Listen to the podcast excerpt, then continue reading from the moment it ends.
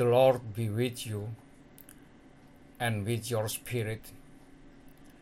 A reading from the Holy Gospel according to Luke chapter 17, verse 11 to 19.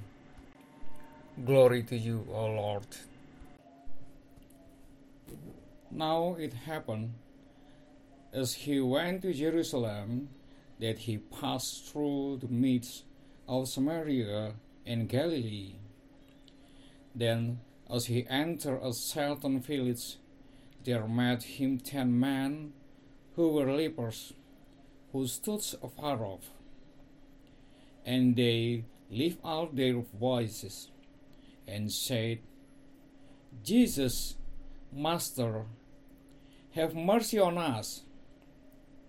So when he saw them, he said to them, Go, show yourself to the priest. And so it was that as they went, they were cleansed.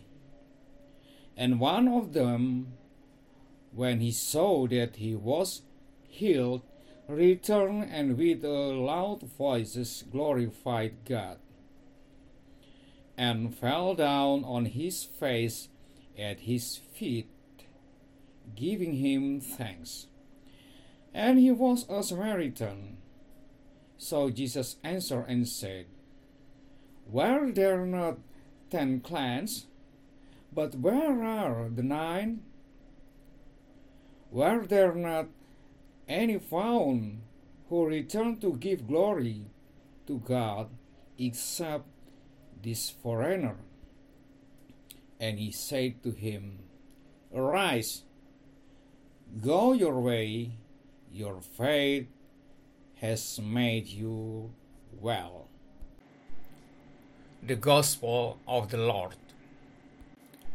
Praise to you, Lord Jesus Christ. Selamat pagi, suster, bapak, ibu, serta anak-anak yang terkasih di dalam Tuhan kita, Yesus Kristus.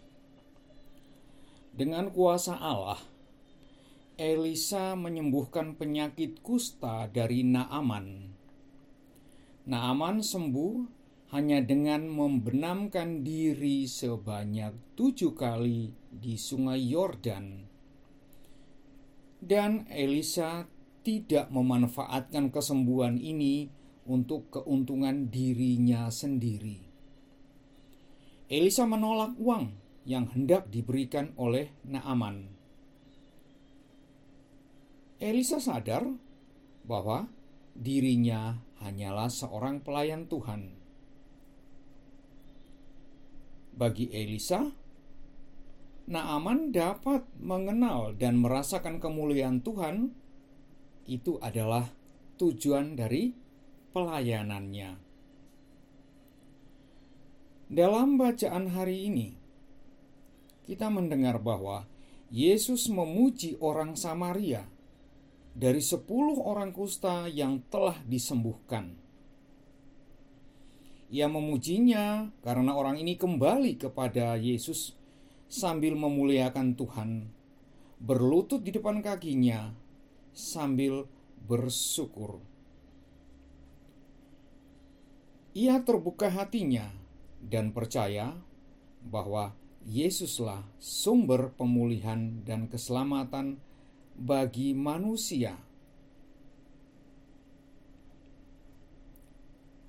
Suster dan anak-anak yang terkasih di dalam Tuhan kita, Yesus Kristus.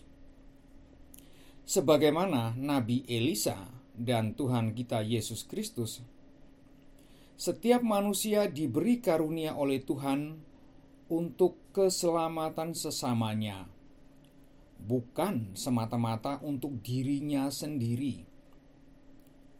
Inilah misi Tuhan bagi kita.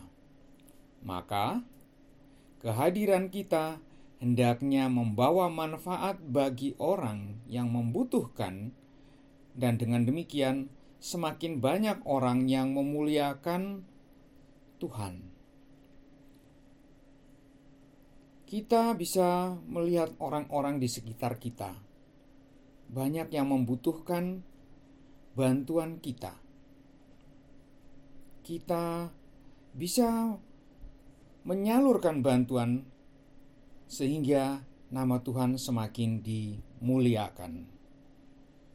Amin. Marilah kita berdoa. Ya Bapa, Engkau yang melengkapi aku dengan begitu banyak karunia dalam hidupku. Sadarkanlah aku bahwa karunia itu bukanlah untuk hidupku sendiri, melainkan untuk aku salurkan bagi keselamatan sesamaku demi Kristus Tuhan dan penyelamatku. Amin. In the name of the Father, and the Son, and the Holy Spirit. Amen.